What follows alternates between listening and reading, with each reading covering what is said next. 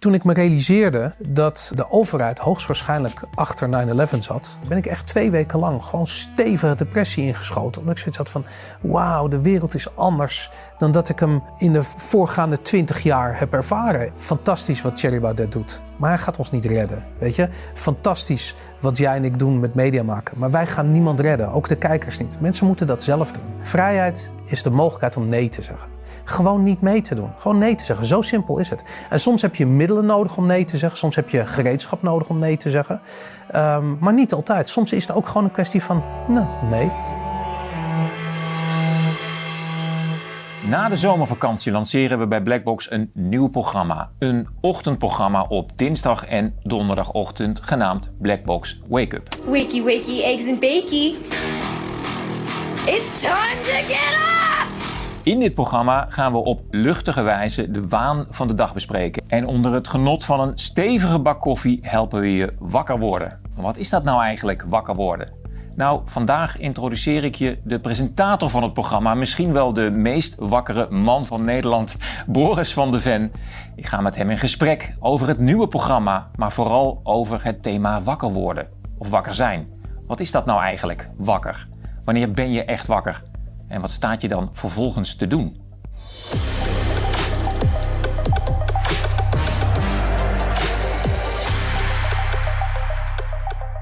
Ja, we gaan uh, na de zomervakantie een nieuw programma doen. Daar gaan we het zo meteen over hebben. Maar er zijn er ongetwijfeld nog mensen zijn die denken van... Uh, Boris van der Ven, ken ik die man ergens van? Waar zouden we je van moeten kennen? Wie is Boris van der Ven en wat doe je? ik werk al ik denk ruim 25 jaar in de media. Uh, ooit begonnen als uh, oldschool televisiemaker. Uh, op een gegeven moment zijn we Game Kings gestart. Een programma over videogames. Dat loopt nog steeds. online, niet meer op televisie. Maar dat was een van de langslopende producties bij MTV. daarna podcasts gaan doen. Um, of tenminste, Game Kings loopt nog steeds. Daarnaast podcasts gaan doen. onder andere um, bij BNR Nieuwsradio. Uh, later dat zelf gaan doen, een podcast over Bitcoin. Uh, ik realiseerde me op een gegeven moment dat heel veel mensen Bitcoin niet kunnen begrijpen als ze niet begrijpen wat vrijheid is. Toen ben ik een podcast over vrijheid gaan maken samen met Robert Valentine. Dat heet Wie voor Valentine. Uh, die loopt ook nog steeds. En ja, ik, ik, ik vind niks leukers dan mensen vertellen over vrijheid. Ik denk dat dat een van de belangrijkste thema's is. En dat is nu een soort ja, rode draad door mijn leven geworden. Ja, ik heb een kort filmpje gemaakt waarin we jouw carrière, die je net al even in de notendop uh, beschrijft, uh, voorbij zien flitsen. Hier is uh, Boris van der Ven. Het hele huis vol met sneakers. Welkom bij het nieuwe seizoen van Beurs Insight. Battlefield 4. Welkom bij de CryptoCast. PlayStation 3, Xbox 360.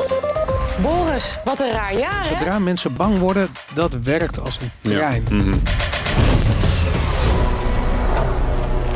Ja, gaaf Boris. Je hebt een hoop gedaan. Uh, en je bent nu dus bezig met V for Valentine. Het programma wat je nu één keer per week doet. Ja. Samen met Robert Valentine. Ja. Econoom, libertariër. Ja. Waarom wilde je dat programma maken?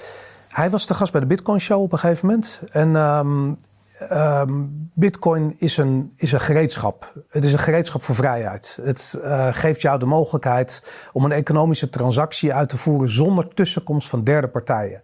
En dat klinkt een beetje leeg. Dat klinkt een beetje als, als ja, een beetje catchphrases zijn het, weet je, van ja, zonder tussenkomst van derde partijen.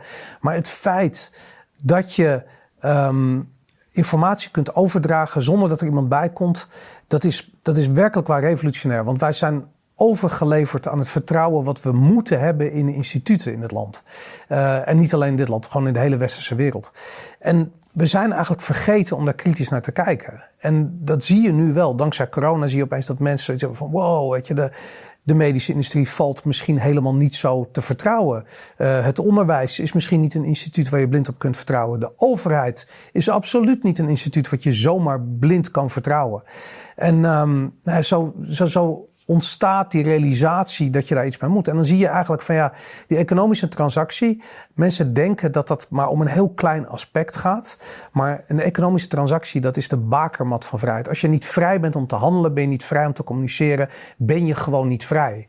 En ik realiseerde me van ja, ik moet dat hele aspect van een economische transactie in een groter kader zetten. En dat grotere kader is gewoon vrijheid aan zich. En dat, ehm, ja, dat moeten mensen begrijpen. Dus, dus dat was eigenlijk een beetje de, dat pad wat ik, eh, wat, ik, wat, ik, wat ik moest volgen. Ja. En toen kwam ik dus Robert tegen en die heeft daar een soort politieke invulling aan gegeven. In Amerika bestaat het libertarisme al heel lang. Het vreemde is, het is in Nederland uitgevonden na de 80-jarige oorlog. Toen, waren wij, eh, toen wij de Republiek van de Zeven Provinciën waren, toen hadden wij echt een keiharde grondwet. Ik geloof erin dat democratie kan.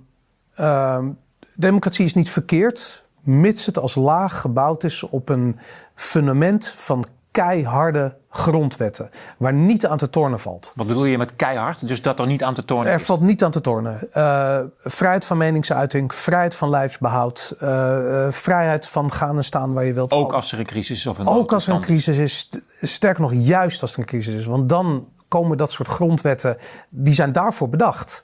En waar in dit land zijn onze grondwetten eigenlijk voorwaardelijk. Want ja, je mag alles, je bent vrij om te zeggen wat je wil, mits je je aan deze regels houdt. Mits je dit doet, mits er geen griepepidemie is, mits er...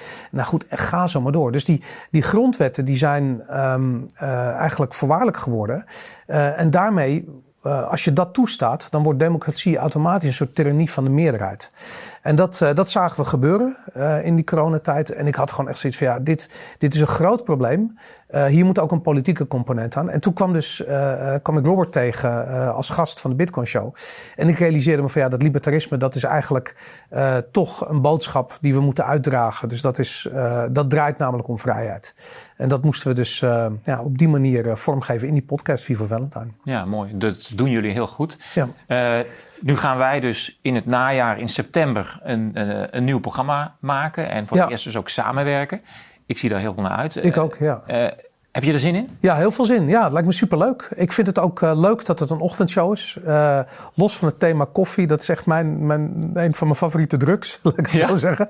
En eh, ja, het idee- ook het idee van wakker worden. Weet je, dat, ik, ik hoop ook met deze ochtendshow een, een nog breder publiek te bereiken. Ik, ik kan me voorstellen dat de luchtigheid ervan, dat werkt. Want je hebt, dat heb ik ook gezien in die coronatijd, dat ehm, mensen volgden religieus de alternatieve kanalen, maar werden daar ook heel erg eh, zenuwachtig van. Eh, dus er was heel veel stress, heel veel paniek bij mensen. Die houden zich vast aan, eh, nou, aan, aan een podcast zoals, Vivo Valentine, maar ook op Blackbox. Ik weet zeker dat je dat ook wel herkent. Ehm, en dan merk je toch zoiets van, ja, hoe kun je die mensen eigenlijk in hun eigen kracht zetten? Hoe kan je ze eigenlijk meegeven dat ze zelf de middelen hebben om hier tegen te vechten? Dat ze niet ze hoeven niet te kijken naar politici om hun te redden. Ze hoeven niet te kijken naar mediamakers om hun te redden. Ehm, ze moeten dat zelf doen. En dat klinkt heel eng. Ja, shit, dan moet je zelf de verantwoordelijkheid nemen om te zorgen voor je, voor je gezondheid, voor je geestelijke gezondheid, voor je, eh, voor je vrijheid, voor de, eh, eh, weet je, misschien wel hoe je in het leven staat, hoe je omgaat met, eh, ehm, met, je, met de informatie die je tot je neemt. Maar uiteindelijk dat je zelf verantwoordelijkheid, verantwoordelijkheid hebt voor al die dingen en hoe je dat toepast, daar hoort ook luchtigheid bij. Want dat creëert namelijk automatisch de ruimte om je ook luchtig te gedragen. Als jij zoiets hebt van: ik doe niks verkeerd, ik heb mijn mening, ik wil niet deze medische behandeling ondergaan, ik wil niet meedoen in dit narratief, ik wil gewoon kunnen zeggen wat ik wil, ik wil kunnen eh, een economische transactie kunnen uitvoeren zoals ik wil, ik wil de producten willen kopen die ik wil, niet omdat er een of andere CO2-belasting op mijn biefstuk zit zometeen al die dingen, daarbij hoort persoonlijke verantwoordelijkheid. En dat moeten mensen eh, zich realiseren. En als ze dat realiseren, dan creëert dat ook lucht. Als tegenhanger tegen die paniek die mensen ervaren als ze die grote boze overheid op zich af zien komen. En ik geloof heilig dat, ehm, dat die grote boze overheid, die is niet zo eh, ehm, sterk of die is niet zo dominant als veel mensen eh, denken of zoals dat in veel media wordt geschetst. En niet alleen nu.nl, maar ook de alternatieve kanalen die eh, zeggen van ja, die overheid die doet, kijk wat ze nu weer doen. We Kijk, maken het misschien te groot. we maken het veel te groot. Het doet er niet toe. Dat is toch net zoals dat je in de coronatijd, dat je, ja, je mag niet naar achter, naar buiten, want dit en want dat en je oma en iedereen wordt ziek en gaat dood. En dan loop je naar buiten en dan fluiten de vogels en dan eh, loop je door de duinen en er is niemand. En het is prima, weet je. Het is grappig dat je dat zegt. Want ik kan me nog herinneren dat in de coronatijd eh, ik bijvoorbeeld amper op reis ben geweest. En ik hoorde dat mensen die dat wel deden. En die zeiden van, ja, er was helemaal geen controle. Exact, ja, En dan dacht dat. ik van, ja, maar ja, ik, ik, ik voelde dan toch een beetje het, zo van... ja, maar stel dat ik daar kom en ik moet dan ineens een test of een mondkapje... dan raak ik in paniek, want dat wil ik niet. Ja. En dan deed ik dat dus niet. Nee, Dus eigenlijk hadden Maar- maar dat is- precies waar ze me wilden hebben. dat is precies het voorbeeld. Als je het gewoon laat, het is niet zo belangrijk. Die mensen doen het, oké, ze luisteren je af en ze, eh, er is een sleepwet en al je communicatie.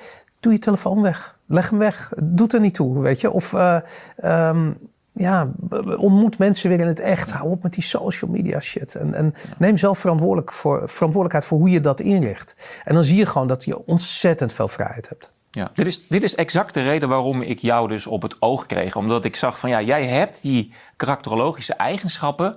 Je bent wakker. We gaan het zo meteen ook hebben over het thema. Wat is dat nou precies wakker? Maar Ja. goed, in mijn optiek ben jij heel erg wakker. Ehm. Maar je bent niet zwaarmoedig. Je hebt een bepaalde lichtheid die ik aanstekelijk vind, die ik prettig vind. Eh, en Tof, dat is wat ja. ik mensen ook zou willen gunnen. En ik hoop dat we dat met dat ochtendprogramma een beetje kunnen, kunnen voeden. Dat we, het, dat we de, de pijnpunten wel benoemen, maar er ook niet te zwaar aan tillen. Ja. En ja, Nou, en als ik- dat lukt, is het volgens mij een heel geslaagd programma. Ja, nou dat lijkt me superleuk. En dat is, ja, ik zie dat helemaal zitten. En, en ik, ik, ik vind niks leukers dan eh, lachen om Clown World. En dat is, dat is wat dat natuurlijk ook is. Want Ja. het is ook gewoon één grote clown. Dat is jouw gevleugelde uitspraak, hè? Clown World. Ja, nou ja, goed, die heb ik niet bedacht of zo hoor. Maar dat, het is een mooie omschrijving. Het is gewoon één grote eh circusvoorstelling waar we naar zitten te kijken. En dan komt er weer een politicus op een klein fietsje en een grote rode neus. Die komt weer een of andere belachelijke onzin eh, presenteren. Ja, en dan moet je ook een beetje lachen erom en klappen. En nou, dat is een mooi kunstje was dat, weet je. Ja, dat Christine Lagarde bijvoorbeeld zegt dat eh, inflatie komt door climate change. Climate change affects inflation. And inflation is the beast that all central bankers, whether they wear a green jacket or not, want to tame and discipline. Ja, ja, ja, ja het weer. Dat is ook het, het echt weer. wel een Clown World opmerking, toch? Ja, ja het is, absoluut. Dat is een goed voorbeeld. Maar ze had al, we hadden al eh, volgens mij voorbij zien komen dat een optreden van eh, Beyoncé in Zweden zorgde voor inflatie. Alles zorgt voor inflatie in het ogen van traditionele economen, behalve toename van de geldhoeveelheid. Dat, dat, Nee, dat niet. Daar moeten we niet over praten. Weet je. Dat is een goed voorbeeld, weet je. Want het is zo kolderiek, het is zo krankzinnig. Ja. Ehm, maar ja, weet je, ehm, het, moet wel, het moet wel uitgelegd worden. Als mensen, mensen kunnen er ook in verdwalen in al die informatie. We gaan het hebben over wakker worden. Laten we eerst even beginnen met de fysieke component. Want wakker worden is ook iets fysiologisch. Je moet opstaan. Ja, Heb jij moeite met opstaan, met wakker worden? Nee, eh, mijn kinderen moeten naar school. ik ben vaak de eerste die wakker is. Hoe laat? Ehm, ik denk iets voor zevenen. Meestal word ik iets voor zeven wakker. En eh, om zeven uur gaat de wekker. Dan, dan komt iedereen hopelijk zijn nest uit. En dan worden de tanden gepoetst. En de, ik heb altijd zo... Ik weet of je de film Das Boot nog kent. Dat, eh, ehm, eh, dat is zo'n zo'n zo'n eh, film over zo'n Duitse onderzeeër in de Tweede Wereldoorlog. En op een gegeven moment dan is er zo'n, gaat er zo'n alarm af. Dan worden ze aangevallen. En dan je zo alarm, alarm. En dan, dan begint iedereen door die hele nauwe gangetjes te rennen. Dat is een beetje hoe het bij mij thuis 's ochtends eraan toe gaat. Weet je? De Hoeveel wekker- kinderen heb je? Ik heb er vier. Vier. Ja, dus, Zo. dat, dus die beginnen dan door de gang langs elkaar te rennen naar Hoe de badkamer van de bad. Ehm, eh, tussen, de, tussen de 12 en de 4. Wauw. Ja, dus dat, eh, het is druk, eh, ehm, maar, maar het is redelijk hectisch. Dus ik probeer ook altijd soort van 's ochtends tot eh, dat iedereen naar school is. Dat ik, ik, kan niet, ik kan geen telefoontje pletten, niks. Het is gewoon iedereen gaat naar school en pas als iedereen naar school is, dan, dan begint mijn dag echt. En dan, ja, dan, dan, dan, dan ontvouwen zich de rituelen, de sportschool, dat soort dingen. Mijn eerste afspraken, dat soort dingen. Zie jij jezelf als een wakker persoon? Nee, ehm, niet echt. Omdat ik denk dat, dat wakker worden is een proces. Het is een vector. Het is een richting waarin je groeit. En je hebt dat, dat, dat, die rare tegenstelling dat hoe meer je weet, hoe minder je weet. Dus hoe meer je leert van economie bijvoorbeeld en hoe het geldsysteem werkt en hoe, onze, ja, ons monetair systeem in elkaar zit, hoe minder je eigenlijk begrijpt van wat er aan de hand is. En dat is lastig. Als je het voor het eerst leert kennen, dan, dan denk je van, nou, maar dat, weet je, ECB die bepaalt de prijs van geld en dan volgt geldcreatie en dan wordt alles wordt duurder. Dat is simpel. Zo simpel is het ook. En dan ga je erin duiken en dan zie je dat er een wereld van nuance is. En soms is het belangrijk om die nuance te begrijpen. En soms is het belangrijk om die nuance achterwege te laten. Ik bedoel, jij weet ook als mediamaker. als je gevraagd wordt voor een interview bijvoorbeeld. en je komt met een of ander heel genuanceerd argument aan. dan wordt het toch teruggeknipt tot twee quotes. waarin de essentie terugkomt. Dus soms is het ook niet goed om heel erg de diepte in te gaan. En ik worstel af en toe met hoe genuanceerd is het werkelijk versus hoe simpel is het eigenlijk. En soms is het moeilijk om in die, in, in die zee van nuance, om daar gewoon de essentie uit te distilleren. En hoe, hoe meer nuance je ziet, hoe meer je afvraagt van wat is de essentie eigenlijk? Dus dat proces van zoeken naar de waarheid, dat, dat ja, wat ik zei, dat is een richting, dat is een vector die je volgt. Um, maar dan begrijp ik hieruit dat jij jezelf niet echt wakker vindt, omdat je het gevoel hebt dat je nog maar een topje van de ijsberg ziet. Ja, ja. Maar dat heeft heel erg te maken met waarnemen. Ja. Uh, uh, informatie tot je kunnen nemen en ja. de big picture kunnen zien. Dat is voor jou dus ook de definitie van wakker zijn of wakker worden, ja. ik. Nou ja, dat, uh, een goed voorbeeld was voor mij 9-11. Dat was denk ik mijn moment waarop ik zoiets had van... maar hier klopt helemaal niets van. ik zat uh, toen had je nog geen YouTube, maar je had iets dat heette Google Video. En er stond een video op van een um, ex-FBI-agent, uh, Michael Rupert. Uh, die heeft nu ook zelfmoord gepleegd. We weten niet wat er allemaal, maar hij, hij, leeft niet meer. En hij gaf een presentatie over dat je altijd de geldstromen volgt bij elke misdaad. Follow je, the money. Follow the money. En als je die theorie toepast op bijvoorbeeld 9-11, wat kom je dan te weten? Dat was mind-blowing in die tijd. Er was geen alternatieve media. Het was letterlijk alleen maar wat de NOS en de Volkskrant en de NRC, weet ik al, die mainstream kanalen, wat die verkondigden. En je moest echt specifiek, ik ken dan bijvoorbeeld Daan de Wit, goed, die heb ik toen leren kennen in de tijd. Uh, die was heel erg bezig met het alternatieve verhaal. Maar dat duurde eventjes voordat dat op gang kwam. En dankzij die ene presentatie van mij had ik zoiets van, als dit niet klopt, dan klopt dat niet. En dan klopt het En dan kom je erachter dat, dat alles heel gelaagd is. Want op dat ogenblik heb je nog niet zoiets van, nee, maar wacht even, 9-11 wordt uh, uh, aangegrepen als argument om straks het hele Midden-Oosten te destabiliseren.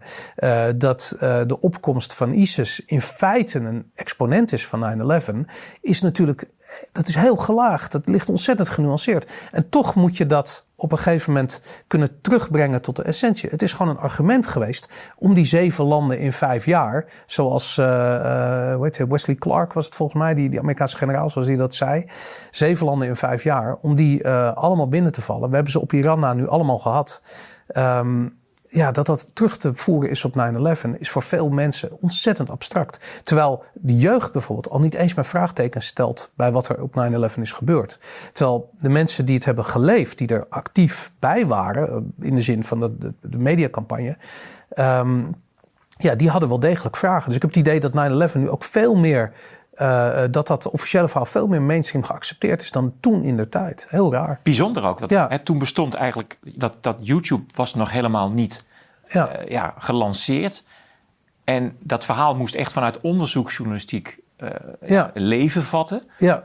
Hoe had dat verhaal een plek gekregen als er toen al zo'n sterke social media was geweest als nu? Nou, dan hadden we waarschijnlijk de Golfoorlog niet gehad of de, de Tweede Golfoorlog niet gehad. Dan was Irak nooit binnengevallen. Want het hele Weapons of Mass Destruction uh, uh, narratief... dat is een heel goed voorbeeld van klinkklare onzin. Het is zo makkelijk te... Uh, zelfs was het Ben Bot die op een gegeven moment naar de VN ging... en daar een presentatie kreeg van het bewijs. En, maar het bewijs mocht niet gedeeld worden met de media. Nou, dat soort, dat soort kletskoek... dat kan nu heel makkelijk in alternatieve media ontkracht worden. En dat is, dat is fantastisch, weet je. Dus hoe meer die crackdown op informatie plaatsvindt, des te groter het wordt. Daarom is, ook, is er ook geen reden om paniek te hebben over de maatregelen van de overheid tegen vrije meningsuiting of tegen uh, politieke partijen die ze willen of een omroep die ze willen verbieden. Al die dingen doen er niet toe. Weet je, het, het is een beweging. Mensen zijn al lang uh, niet meer klaar om alleen maar dat ene verhaal te geloven. Want ze hebben zoiets van: oké, dat dat vaak met een korreltje zout genomen moet worden, dat is wel duidelijk. En ik denk van ja, als we dat eerder hadden gehad, dan hadden we gewoon heel veel oorlogen niet gehad. En waarschijnlijk uh, uh, was Irak nooit binnengevallen. Daar klinkt eigenlijk ook iets optimistisch in. Want ik ben heel optimistisch, ja. Heel erg sterk het idee, hè, want ik ben pas vrij recent wakker, dat uh, YouTube en al die social media kanalen ook een beetje een, een soort wurgslang zijn geworden voor de vrijheid. Hè? Dat het zich ook een beetje tegen ons keert. Ja. Maar jij zegt, het is ook een soort van beerput die open kan gaan, waardoor de overheid de controle kwijtraakt. En als dat eerder was gebeurd, hadden ze bij 9-11 ook de controle eerder kwijtgeraakt. Ja, dat denk ik wel. En, en eh, ik vind het, wat ik juist heel mooi vind, kijk, het feit dat YouTube actief censorship toepast en uh, video's verwijdert, dat vind ik fantastisch. Want dat betekent dat er automatisch platformen komen die steeds decentraler georganiseerd worden. En dat is de sleutel tot alles. Die centralisatie die we hebben gezien, dat is eigenlijk ook net als globalisatie, weet je, een, een gigantische consolidatie van macht. Um, dat zie je afbrokkelen. En daar komt decentralisatie voor in de plaats. En dat ga je dus ook in de media zien. Dus je gaat, hoe, hoe meer censuur YouTube toepast, des te meer decentrale alternatieven ga je zien. En je ziet dat nu bijvoorbeeld bij Twitter. Daar heb je um, uh, um, uh, een platform dat heet Noster. Uh, en dat is een, een, een soort van Twitter wat helemaal decentraal georganiseerd is. Je kunt, je kunt het niet meer uit de lucht halen. Bitcoin is ook een goed voorbeeld van decentralisatie. Dus het monetair systeem wordt eigenlijk ingezet als wapen tegen vrijheid van meningsuiting. weet je, de voorbeelden zijn daar. Als je een bepaald bedrag uitgeeft bij de Albert Heijn, dan word je gebeld door je bank. Van sorry, wat denken we dat we allemaal aan het doen zijn hier? Weet je, dat soort vragen. Nou, mooi, weet je. Dan komt er dus nu een decentraal geldsysteem. Wat wel functioneert. Waar banken niks meer over te zeggen hebben. Waar overheden niet meer bij kunnen. En uh, hoe sneller ze een CO2 digitaal paspoort invoeren, des te eerder mensen overstappen naar een decentraal systeem. Weet je, de mens heeft helemaal geen belang daarbij om zich gevangen te laten zetten. En zeker als die Um, als, de, als die deur niet fysiek is, waarachter je opgesloten zit, maar die deur die is, dat is een overdrachtelijke deur. En dat is wat dit natuurlijk, dat is wat censuur is. Weet je, het is vaak, het, het, het doel van censuur is zelfcensuur. Het, het, het, het cancelen heeft tot gevolg dat mensen zichzelf gaan censureren. Maar dat is niet een keiharde deur. Dat is niet, dat is niet een, een, een straf of iets dergelijks. Het is iets wat je jezelf oplegt. En als je je bevrijdt van die onzin en gewoon naar buiten loopt, dan zul je zien dat gewoon de vogeltjes fluiten en dat de natuur gewoon groen is en de zon warm schijnt. Dat het, dat het leven fantastisch is. Je hoeft jezelf daar niet binnen op te sluiten. En dat is denk ik uh, wat je gaat zien. Hoe meer censuur er wordt toegepast, des te vrijer mensen worden. Heerlijk. Ik, ik hoor hier gewoon een, een, een baken van hoop. en het klinkt ook gewoon heel logisch. Maar ik zie het gebeuren. Bijna een soort van wetmatig in mijn oren. Ja. Dat als je aan de ene kant repressie toepast, dat er altijd hè, het water kruipt waar het niet gaan kan. Ja, nou, ik vond, ik zat daar ik had het vanochtend nog met iemand daarover. Dat die tijd, de heftigste tijd van de corona-angst. Dan ging ik naar de supermarkt. En dan kwam ik die supermarkt binnen en was ik de enige die geen mondkapje op had, bijvoorbeeld. Je zit er nog één. Ja, nou, maar het leuke aan die tijd is. Ik, wil, ik, ik heb dat niet als leuk ervaren. Maar als ik erop terugkijk, wat ik eigenlijk een van de leukste momenten. was dat ik dan zo'n supermarkt inliep. En dan zag je allemaal mensen die keek je zo'n beetje aan. En sommigen hadden zoiets van ja, toch wel goed. En de anderen hadden zoiets van, oh, ik weet niet. En dan kwam je ze drie uh, gangpaden verder weer tegen. En hadden een paar hadden een mondkapje afgezet. Want die hadden zoiets van, wat hij kan, dat kan ik ook. En dat vond ik zo cool, weet je. Dat je kunt voorleven. Dat je, je hoeft niet altijd te zeggen van, je moet je mondkapje afzetten. Nee, nee, nee. Het is je eigen keuze. Dus kom naar buiten. Stap uit die kooi, weet je. Er is niemand die tegen jou gaat zeggen, je moet een mondkapje dragen. En als ze dat wel zeggen, so what? Want dat is het mooie van, dat, dat vind ik de mooiste definitie van vrijheid. Vrijheid is de mogelijkheid om nee te zeggen. Gewoon niet mee te doen. Gewoon nee te zeggen. Zo simpel is het. En soms heb je middelen nodig om nee te zeggen. Soms heb je gereedschap nodig om nee te zeggen. Um, maar niet altijd. Soms is het ook gewoon een kwestie van, nou, nee. Wil jij een prik? Nou, nee. En dat is alles. En op het moment dat er dan teruggeduwd wordt, ja, dan, dan hoe meer mensen nee zeggen, hoe meer die gaan terugduwen. En het is altijd een, een wisselwerking tussen mensen die, dat je, die willen dat je iets doet en mensen die gewoon nee zeggen. En dat is denk ik de grootste kracht van de mens. We hebben zelfbeschikkingsrecht. Wij kunnen nee zeggen. En um, ja, als je het zo ver laat komen als in Noord-Korea bijvoorbeeld, ja, dan, dan, dan wordt het lastig. Uh, maar ja, ik heb toch de hoop dat we hier niet, uh, dat we niet die kant op gaan. Heerlijk. Ik vind het echt fijn om naar je te luisteren. Ik hoop dat jullie er ook van genieten. Maar jij zei eerder in het gesprek dat je jezelf helemaal niet zo wakker vindt. Ik wil eigenlijk de lakmoesproef met jou doen. Oké. We gaan even een lijstje langs. en dan mag je alleen maar ja of nee zeggen. Ja. En dan ben ik benieuwd uh, hoe jij aankijkt tegen bepaalde uh, stellingen ja. uh, die wel of niet waar zijn volgens jou. -huh. Laten we eens beginnen met de test. Het coronavirus is gemaakt in een laboratorium. Ja, 100%. Het coronavirus is eigenlijk een biowapen. Ja, dat is het. Het coronavirus is met opzet losgelaten om de samenleving te ontwrichten. Ja,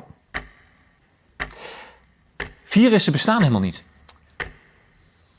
nee.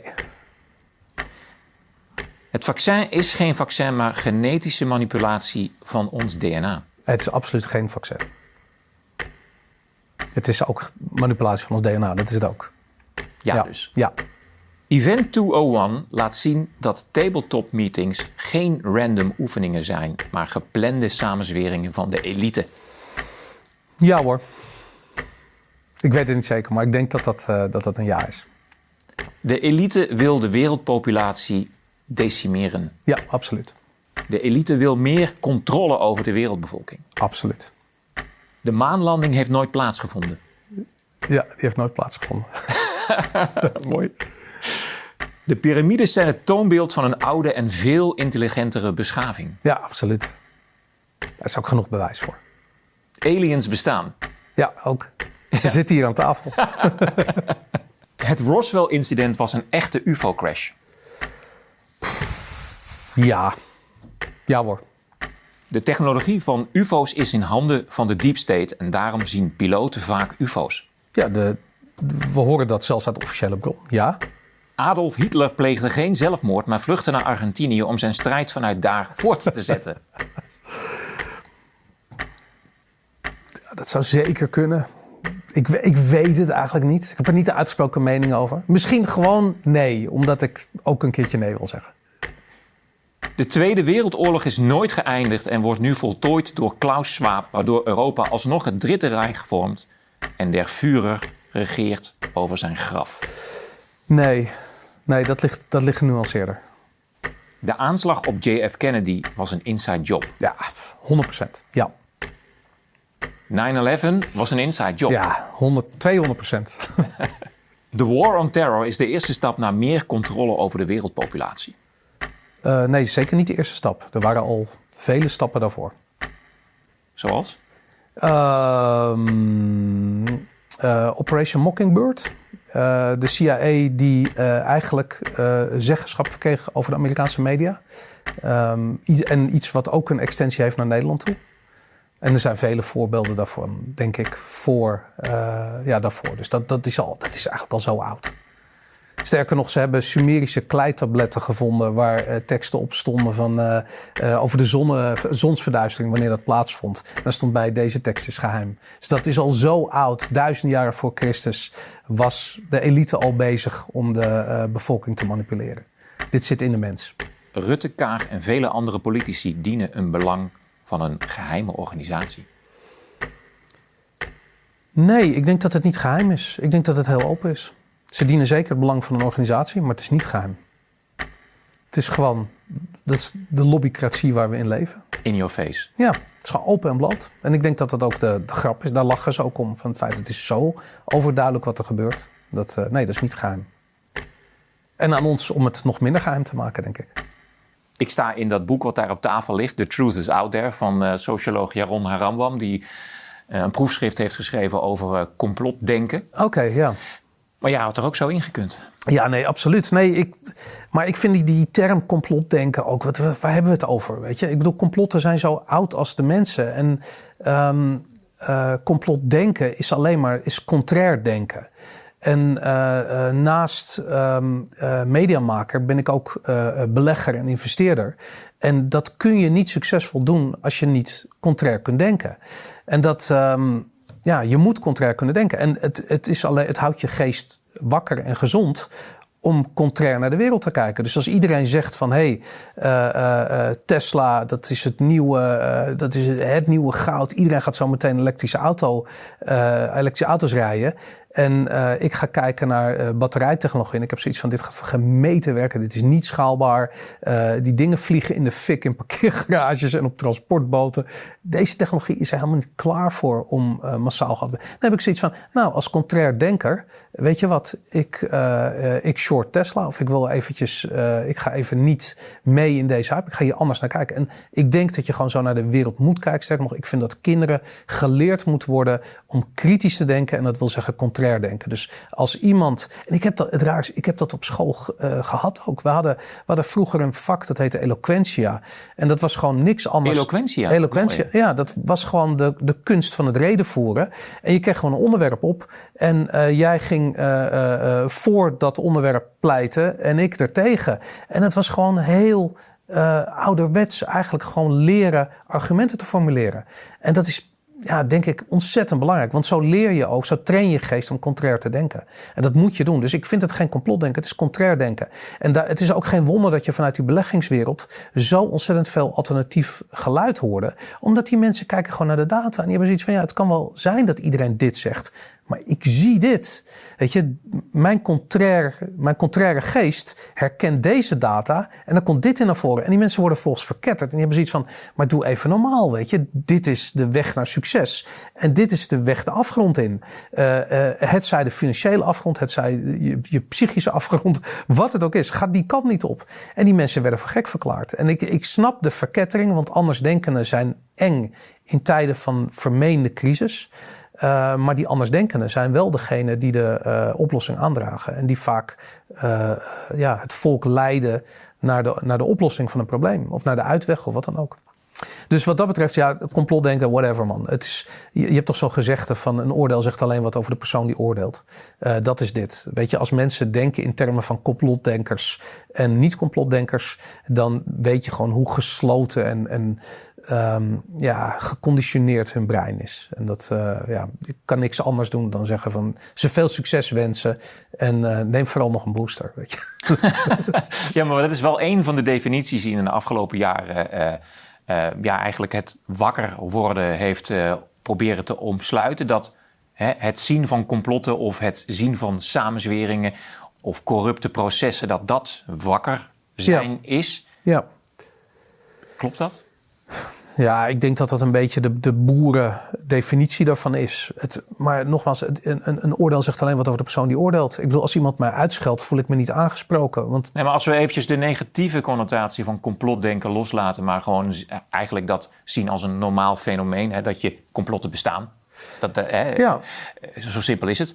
Um, is, is, is wakker zijn het kunnen doorzien van complotten en samenzweringen? Is nou, het is zeker kritisch kunnen denken. En ik denk, ja, het is contrair kunnen denken. Als je wakker bent, kun je contrair denken. En ik kan me voorstellen, je kunt ook contrair denken en zeggen van nou, weet je wat, ik vind het nog steeds een heel goed idee om een mondkapje op te zetten. Of ik vind het nog steeds een goed idee dat de boeren worden onteigend. Whatever. Dat zou kunnen.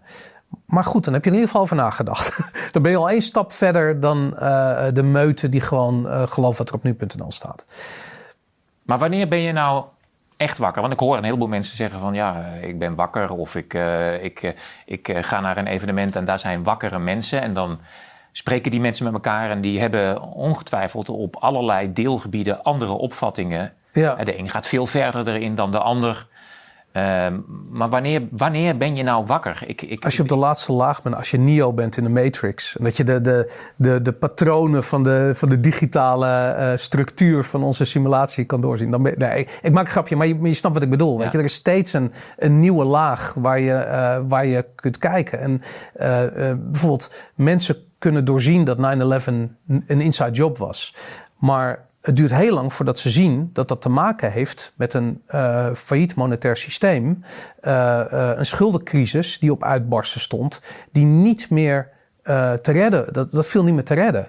En dat zagen we toen uiteindelijk in 2008 uh, uh, tot climax komen. En vervolgens is de bal nog verder doorgeschopt. En het enige wat ze kunnen doen is steeds een nieuwe crisis verzinnen om maar dat monetair systeem overeind te houden. Uiteindelijk gaat het allemaal om geld. Ja. En dat is een, dat is een maar laag... dat is bijna te beredeneren. Hè? Het is Ja. heel pervers. George van Houts noemde dat het dameoffer. Ja. Je, je, je, je offert Je vrijheid die torens, die Ja. vrijheid, eh, een hoop verdriet. Maar eh, eh, misschien denken ze dat ze er wel zelfs iets goeds voor Ja. terugkrijgen. Hè? Dus het is Ja. een, een grote mindfuck. Maar er zijn natuurlijk ook elementen in, dat, in die wakkere beweging die jou misschien te ver gaan. Waar gaat het jou te ver? Nou, Dat ik, je denkt van, nou, maar hier, nee, hier stop ik met denken. ik, ik, ik ben niet zo van de dogma's. Eh, aan de ene kant politieke dogma's. En aan de andere kant ook eh, eh, bijvoorbeeld godsdienstige dogma's. En ik snap dat het mensen houvast geeft om een kant-en-klaar dogma te adopteren. om daar vervolgens aan vast te houden. Ik snap dat mensen dat nodig hebben. Je hebt het nu over religie. Bijvoorbeeld. Want ik had hier een tijd geleden een voorganger aan tafel zitten hè, over de eindtijd. En die ziet deze periode Ja. echt als de tijd dat Jezus terug op aarde komt. Ja, ja. En dat we in een apocalyps zitten. En ik sta er sympathiek tegenover. Als, als je dat nodig hebt, als, je da, laat ik zo zeggen, als die dogma je, je structuur en houvast geeft, dat is prima. Het is niet voor mij. En da- dus dat is waar voor mij een beetje de grens ligt. Niet dat ik het moreel verwerpelijk vind als je religieus bent. Maar vind je, het, Integendeel. vind je het een beetje zielig of een beetje dom? Nee, helemaal niet. Ik heb er geen oordeel over. Het is gewoon niet voor mij. Het is een domein waarin ik, waar ik niet zoveel mee kan. Weet Maar je, wat ik, als dat nou dat stukje van de Matrix is waar jij niet in kan? Ik denk dat het een reflectie van de Matrix is. En dat ik een andere reflectie zie. Weet je, dus ik kan me heel goed voorstellen dat. eh, ik, bedoel, ik ben een groot fan, gewoon als science fiction lezer. En misschien is het echt, misschien niet. Maar Erik van Deniken, ik heb al zijn boeken gelezen. Ik vond het fantastisch. Weet je, die eigenlijk zegt van. eh, eh, waren de goden cosmonauten? Dat idee. Daar heeft hij een aantal boeken over. En hoe de referenties zijn. ehm, eh, in het Oude Testament, maar ook in andere heilige geschriften. naar eh, ehm, gewoon heel concreet een bezoek van een buitenaards ras aan aarde. Ehm, eh, dat, dat, dat ideeën vind ik leuke, contraire ideeën tegenover eh, godsdienstige dogma's. Dus ik, ik wil me niet overgeven aan dogma's of me daar, daar aan vasthouden, omdat ik altijd ook het contraire idee. eh, Leg dogma's uit in deze context. van tevoren vastgestelde ideeën die je adopteert en niet helemaal zelf hebt bedacht, maar die aangereikt worden. En die zijn in die zin niet anders dan bijvoorbeeld de van tevoren vastgestelde narratieven die je vanuit de mainstream media krijgt. Ehm, alle ideeën die door iemand anders bedacht zijn, moeten eerst langs je kritische filter gaan. En als je niet een kritisch filter hebt, ehm, Bestaan er ideeën die je niet zelf bedacht hebt? ja, dat is goed. Dat een- dan gaan we heel filosofisch worden. Eh, waarschijnlijk niet, inderdaad. Ja, het zou heel goed kunnen. Maar, maar dan denk ik van, dan zou je, ehm, eh, dan is het minste wat je kunt doen, is ook het volledig tegenovergestelde idee proberen te beredeneren en te kijken, werkt dat? Bestaat dat op die manier? En eh, dingen kunnen ook naast elkaar bestaan. God kan bestaan naast dat er aliens bestaan en ons gecreëerd hebben, eh, bij wijze van spreken. Dat kan beide bestaan. Maar ik kan me niet vasthouden of vastbijten in één. eh, Heb je je er wel in verdiept? Heb je geprobeerd om dat pad in te gaan en te denken van misschien moet ik het onderzoeken? Of heb je altijd gezegd nee, dit is hem niet? godsdienst? Eh, ik, heb het, eh, ik heb het niet genoeg onderzocht. Ik weet niet genoeg van godsdienst. Dat, eh, nee, dat, misschien heb ik er ook wel vanuit mijn jeugd gewoon een soort. Ja, ik heb, ik heb dat nooit meegekregen. Ik heb daar ook nooit behoefte gehad om daarin te verdiepen. Ik vind het interessant als mensen zich eraan vasthouden. Ik ken een aantal mensen die daar heel eh, vol overgave in zijn gedoken. Ik ben bang dat het voor mij niet werkt. Ja, misschien heb ik daar niet. eh, eh, misschien heb ik toch een soort rem of een soort drempel daarin. Ja, ik weet niet. Ben je een spiritueel wezen? Ja, dat, dat heel erg wel. Ja, ik ben wel spiritueel. Maar niet, maar niet op die manier. Ik hoef geen bomen te knuffelen. En ik hoef niet. eh, ja, hoe geef jij uiting aan spiritualiteit in jouw leven? Ehm, ik denk gewoon dat het een argument is wat je meeneemt in de grote, eh, in de grote weegschaal van wat is realiteit.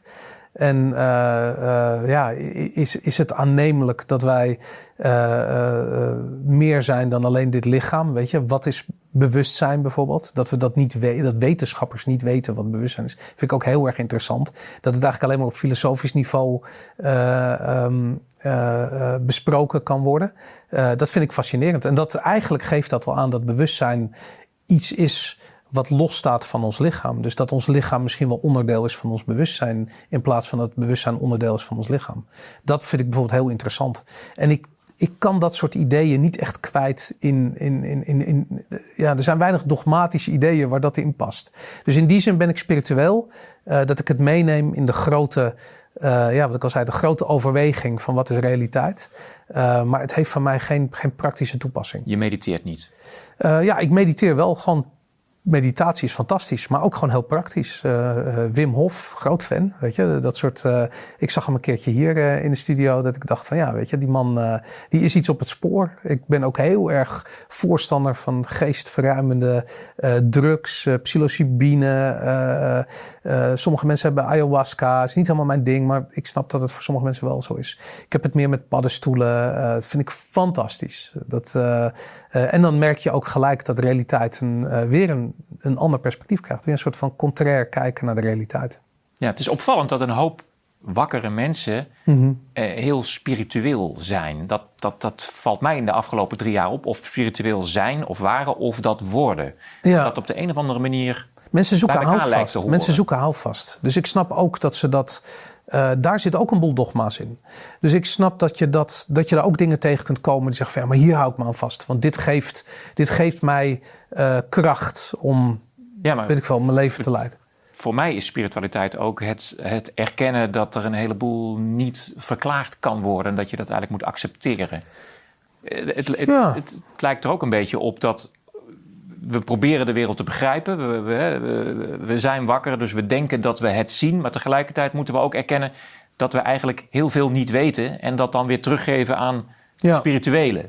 Ja, maar ja, absoluut. Wij zijn als mens letterlijk bijna blind. Wij kunnen maar een heel klein spectrum op de, uh, op, op, op, in het lichtspectrum, daar kunnen wij maar een heel klein deel van zien, bijvoorbeeld. Wij zijn praktisch blind. Dus je kunt je voorstellen dat er misschien kan, een, een, weet ik wel, bepaalde vissen kunnen bijvoorbeeld een veel groter lichtspectrum zien. Uh, die leven, leven bijna in een andere dimensie dan wij. En dat, uh, ja, we zien bijna, ik bedoel, we zien elkaar wel hier zitten en zo, weet je. En de wereld is ingericht naar het kleine spectrum wat we wel kunnen zien. Maar er is zoveel dat we niet kunnen zien. Ja, dat is interessant, ja. Ja. En dat, uh, ja. Maar die spirituele uh, revolutie die ik ook in de wakkere beweging zie. Neem nou bijvoorbeeld een Jorn Luca, ja. die zeer succesvol is met zijn kanaal en zijn events. Ja. Was in het begin ook bijna journalistiek bezig bij Café Weltsmerts. Deed interviews over de PCR-test. Ja. Samen met zijn vriendin Isa Kriens. Ja. En hebben allebei heel erg dat soort van, uh, ja, een soort revolutie doorlopen van verzet, frustratie naar ja. Ja, een, een, een soort van spirituele levenshouding waarin ze niet meer willen strijden, maar eh, een soort van open scope hebben van dingen ondergaan en accepteren. Is, is, is dat is dat zeg maar in het wakker worden misschien een, een, een, een proces waar je naartoe moet? Dat je eigenlijk stopt met het zoeken naar antwoorden, maar meer. Veel mensen zeker wel. Ik, het, voor mij werkt het anders, maar ik, ik zie het bij heel veel mensen werken. En ik zie het ook zijn effect hebben bij veel mensen.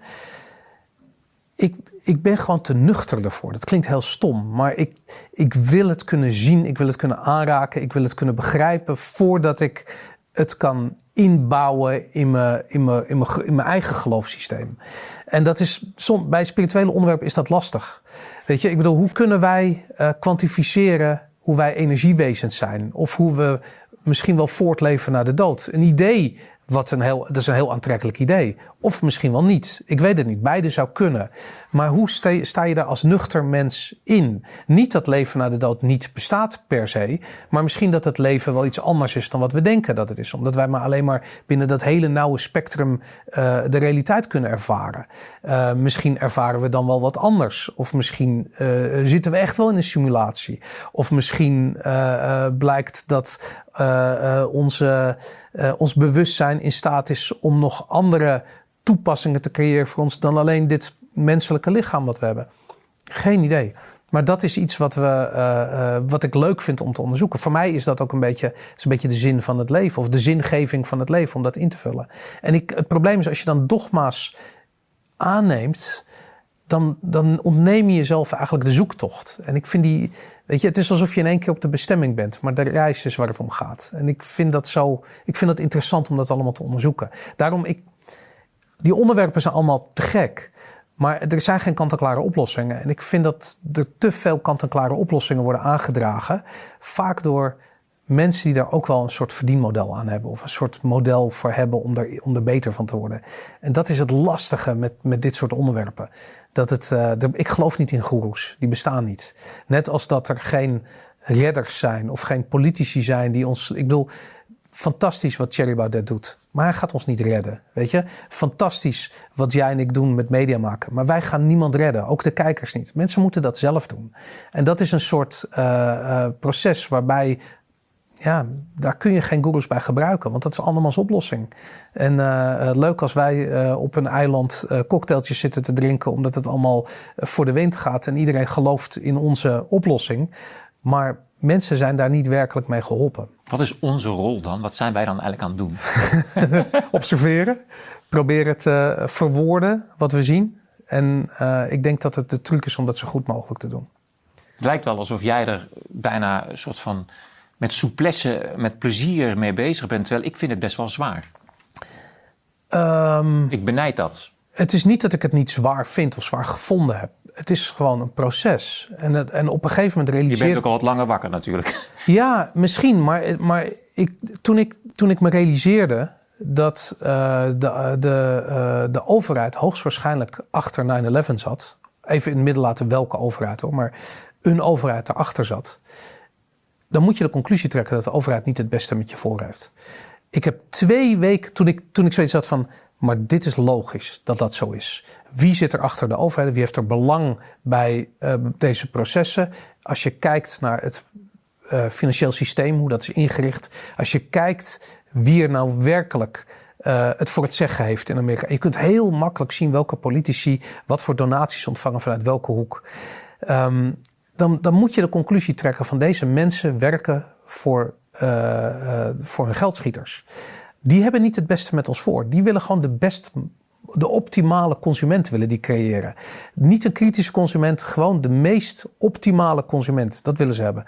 En um, toen ik me dat realiseerde, ben ik echt twee weken lang gewoon stevige depressie ingeschoten. Omdat ik zoiets had van, wauw, de wereld is anders dan dat ik hem in de voorgaande twintig jaar heb ervaren. Heel herkenbaar, ja. Ja, dus dat proces, dat vond ik schokkend. Dat was echt schokkend.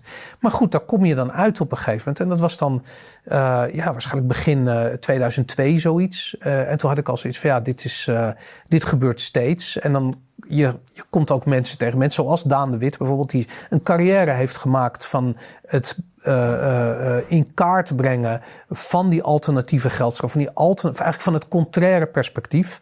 Um, hij heeft dat boek geschreven, Dossier Mexicaanse griep. Dat vond ik fantastisch. Toen corona uh, plaatsvond, toen heb ik hem in een podcast ook geïnterviewd.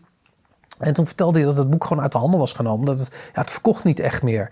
Ik had zoiets van, zorg dat het weer in de winkel komt. Want hierin ben je aan het uitleggen precies wat er, wat er gebeurt met corona.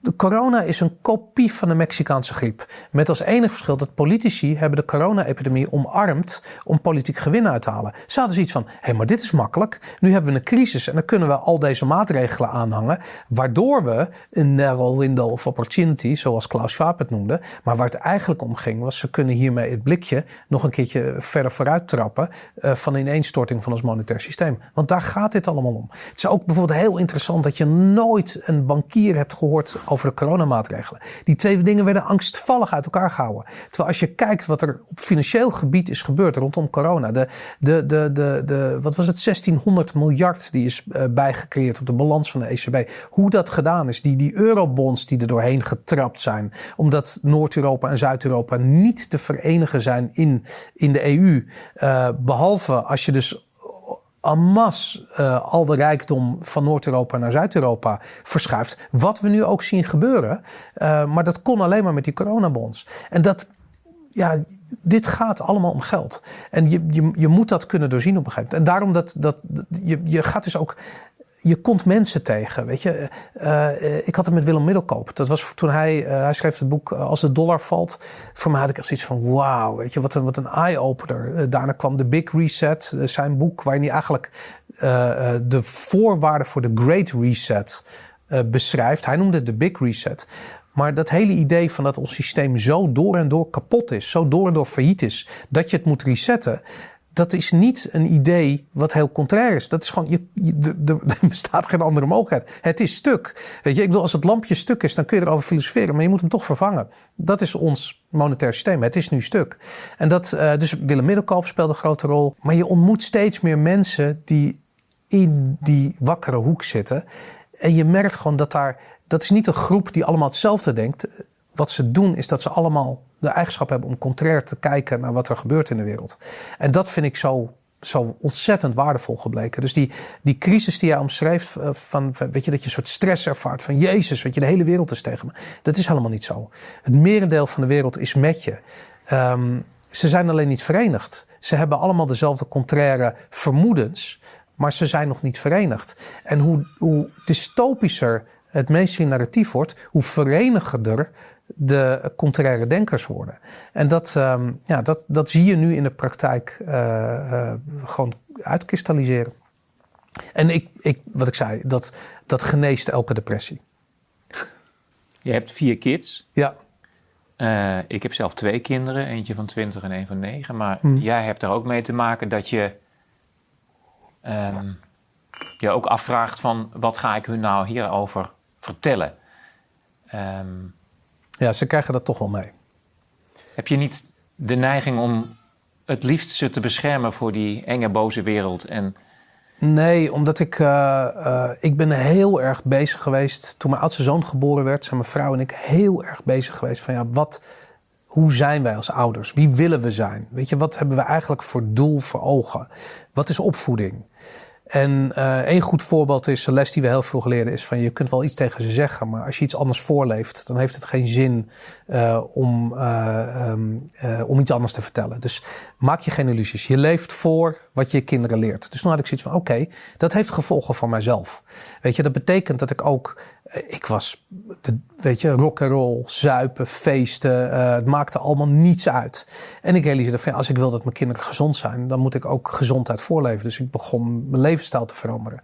Maar ook mijn geestelijke levensstijl. Weet je, dus het, uh, um, ik vind het bijvoorbeeld, uh, ik vind het schoolsysteem, ik ben geen fan daarvan. Maar ik ben nog minder fan van proberen um, de weg te effenen voor je kinderen. Weet je, de, de weg is de weg, de wereld is de wereld. Die kun je niet voorbereiden voor je kinderen. Je moet je kinderen voorbereiden op de wereld en op de weg die ze moeten bewandelen. Um, als je gaat en ik ken heel veel ouders die tegenover die proberen de weg voor te bereiden op hun kinderen hoor. Dat kan. Uh, je kunt er heel eind komen daarmee, maar wat je krijgt is dat je volledig wereldvreemde uh, kinderen uh, krijgt die niet in staat zijn om, die, die zijn niet weerbaar tegen de systemen waar ze mee in, in aanraking komen. En um, daarom vind ik eh, gewoon heel praktisch, uh, als je kijkt naar school bijvoorbeeld. Um, laten we zeggen dat veel ouders hun kinderen vragen als ze uit school komen: wat heb je vandaag geleerd? En ik vind het bijvoorbeeld heel belangrijk om te vragen: wat heb je vandaag gevraagd? Want ik denk dat het stellen van vragen belangrijker is dan het uit je hoofd leren van de uh, politiek correcte antwoorden. Of wat voor antwoorden ze dan op school ook leren. Um, stel vragen. Weet je, als mijn kinderen uit school komen met een of ander idee waarvan ik zoiets heb van hoe komen ze erbij? Weet je, dan heb ik zoiets van. Denk je niet dat het zus en zo zit? Weet je, ik probeer voor te leven dat je vragen stelt bij alles. Uh, en wat ik probeer te vermijden, wat heel moeilijk is, dat ik zeg bijvoorbeeld van uh, uh, mondkapjes zijn slecht voor je gezondheid. Ik geef maar even een, een heel algemeen voorbeeld. Ik wil dat ze zelf gaan onderzoeken uh, waarom mondkapjes een krankzinnig idee zijn, echt gestoord, um, en die conclusie trekken. In plaats van dat ik zeg, het is krankzinnig en gestoord. Je moet er niet aan meedoen. Want ik ben alleen maar hetzelfde aan het creëren waar ik me tegen verzet. Namelijk dogmatisch denken en het aannemen van, van een waarheid die, die je niet zelf hebt doordacht. Dat vind ik wel heel waardevol van wat je nu zegt. Want ik kan me herinneren in die coronatijd dat wij dat op de school ook hadden met kinderen die dan in quarantaine moesten. En ik, ik, was natuurlijk ja, des duivels dat mijn kind daarmee te maken kreeg. En, uh, maar ik was ook een beetje bang als ik mijn kind zou gaan vullen met mijn opvattingen. Dat hij die mee naar school nam en daar misschien heel stellig ging zeggen: hè, papa nakakelen. Maar dat hij misschien de argumenten niet zou hebben. Ja. En dat hij daar misschien in verlegenheid gebracht zou worden. En daardoor onzeker zou worden. Ja. En daardoor dacht ik van ja, laat ik maar niks doen. Maar dit is een goed voorbeeld ook van de weg voorbereiden op je kind. Je kunt hier niks aan doen. Je bent al aan het voorleven. Ik bedoel, papa nakakelen, dat is wat opvoeden is. Je doet er niks aan. Het enige wat je kunt proberen is de insteek veranderen en zeggen van stel vragen. Um, en dan kun je misschien andere mensen op een idee brengen. Um, weet je, er zijn een aantal dingen in het onderwijs die zijn in Nederland die zijn zo mind-blowing gestoord. En om je een voorbeeld te geven, weet je, in Nederland eh, zijn we geneigd om kinderen die bijvoorbeeld niet goed scoren in een bepaald vak, om die dan hulp aan te bieden. Waarom help je kinderen niet met het vak waar ze goed in zijn? Als jij een kind hebt wat heel erg goed is in natuurkunde, waarom zou je in godsnaam Frans en Duits uh, gaan bijspijkeren? Ze haten het waarschijnlijk. Dat, dat is een, een, weg van frustratie. En die natuurkunde, daar ontneem je dan vervolgens de tijd en energie voor om, dat, om daar echt goed in te worden. Weet je nog dat Balkenhende zei dat we een zesjescultuur hadden? Dat is dit, weet je. Dat is dat we mensen willen helpen met de dingen waar ze slecht in zijn. In plaats van dat we ze helpen te excelleren in de onderwerpen waar ze echt goed in zijn. En dat is bijvoorbeeld iets wat er fundamenteel mis is in, in, in, uh, in ons onderwijs. Maar eigenlijk zit dat in dit land. Dat is waarom uh, Rutte bijvoorbeeld zei dat Nederland eigenlijk een socialistisch land is. Want we willen mensen altijd helpen, weet je. Mensen altijd zielig. En ik geloof daar niet in. Mensen zijn niet zielig en ze hoeven niet geholpen te worden met de dingen die ze niet kunnen of die ze niet hebben of waar ze niet goed in zijn. Je moet ze helpen waar ze wel goed in zijn. Want dan komt de rest komt vanzelf. Want als jij heel goed bent in uh, natuurkunde en je bent intrinsiek gemotiveerd om een presentatie in Parijs te geven en je wilt het graag in het Frans doen, hey, dan leer je dat Frans leer je zo, zeker als je jong bent. Dus dat, dat is hoe het leerproces werkt. Maar wij draaien dat op een of andere manier hier om. En dan is de vraag van, is dat, uh, is dat domheid of is dat kwaadaardigheid?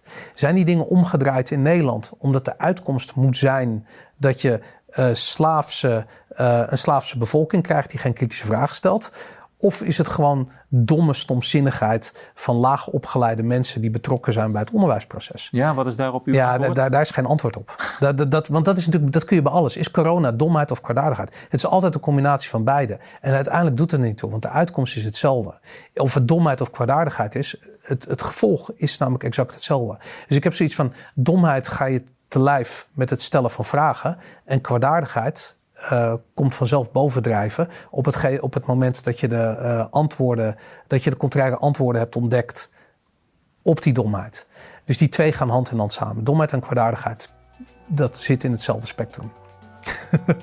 Ik vond het mooi om met je te praten. Ja, we gaan alle kanten op. We kunnen zo nog een uur praten. Ja, we kunnen uh, nog heel lang doorpraten, maar we gaan het de ja. mensen niet aandoen. Of we doen het nog een keer een, op een ander moment. Of het wordt onderdeel van ons uh, ochtendprogramma, waar ja. elke week ja. ja dit soort onderwerpen langskomen. Ik denk dat mensen in ieder geval een, een indruk hebben van uh, wie je bent, hoe je denkt en welke energie je meebrengt bij het programma Wake Up, wat we dus in september gaan lanceren. Ik ga het niet presenteren, dat jullie dat even goed begrijpen. Hij gaat het presenteren. Er komen nog twee mensen naast zitten. Die gaan we binnenkort ook bekendmaken. Er wordt een hele leuke setting. Uh, iedere dinsdag en donderdagochtend. De tijd ja, is nog even niet bepaald. De inhoud is nog niet bepaald. Maar het wordt in ieder geval wakker worden met luchtigheid, een beetje satire en uh, de heldere, nuchtere, maar tegelijkertijd ook iets wat spirituele geest van Boris van de Ven. Um, ik wil jullie dus vragen om zometeen ook, hè, want de uitzending is bijna afgelopen, maar aan het einde zit nog een filmpje. Misschien heb je hem al gezien, maar als je hem nog niet gezien hebt, kijk hem even. Waarin ik uitleg wat we dus aan het doen zijn. Want we zijn een nieuwe studio aan het bouwen. En dat is onder andere voor dit programma. Maar er zijn nog meer toepassingen voor die ruimte. En daar zijn we dus voor een crowdfunden. Kijk even naar die video, want we hebben je hulp nodig. En uh, ja, mocht je het sowieso goed vinden wat we doen, dan is altijd een donatie welkom. Want we doen het op eigen kracht. Geen staatssteun, geen sponsoren, geen investeerders. Jullie zijn degene die dit in de lucht houden. Dus denk aan ons en deel deze video. Want jullie weten het, uh, YouTube helpt niet echt mee om ons uh, algoritmisch onder het voetlicht te brengen. We hebben jullie hulp dus nodig. Deel deze video. Ik hoop dat je ervan hebt genoten. En kijk nog even naar het einde, want dat is heel erg belangrijk. Dankjewel Boris van der Ven en wellicht tot een volgende. Ja, graag gedaan. Ik sta hier voor een loods in Edam waar we druk bezig zijn met vrijwilligers om te werken aan een nieuwe studio die na de zomervakantie klaar moet zijn. We willen namelijk meer programma's maken, nog meer dingen om onze doelen te bereiken. Maar ja, dan zou je je kunnen afvragen waarom moet er een nieuwe studio komen? Dat gaan we je nu allemaal uitleggen. Ja, hier komt de montage en de regieruimte en de regieruimte met name voor een nieuw live programma wat we daar op die plek gaan doen. Wakey, wakey, eggs and bakey.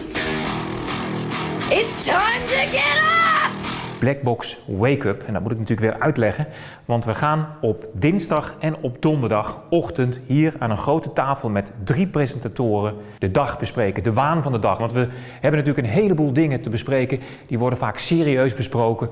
Maar hoe mooi is het als we het ook een beetje kunnen weglachen? En dat gaan we hier doen iedere dinsdag en donderdagochtend met Blackbox Wake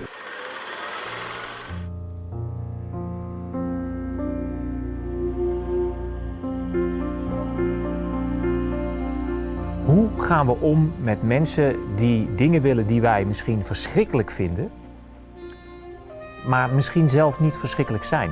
Dat houdt mij ontzettend bezig en ik denk ook dat het een gebied is waar we ons meer in zouden moeten verdiepen. En dat wil ik hier doen.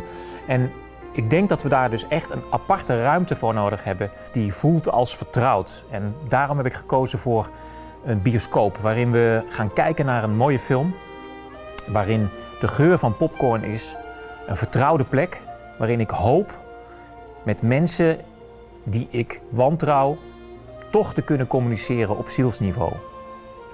En dat wil ik hier doen. Werk aan de winkel, jongens. Ik moet naar boven.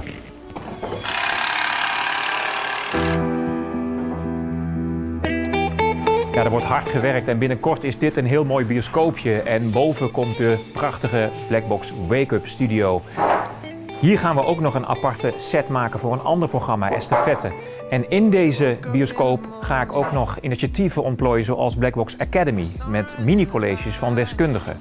We gaan dus echt heel veel nieuwe dingen doen in het nieuwe seizoen na de zomervakantie.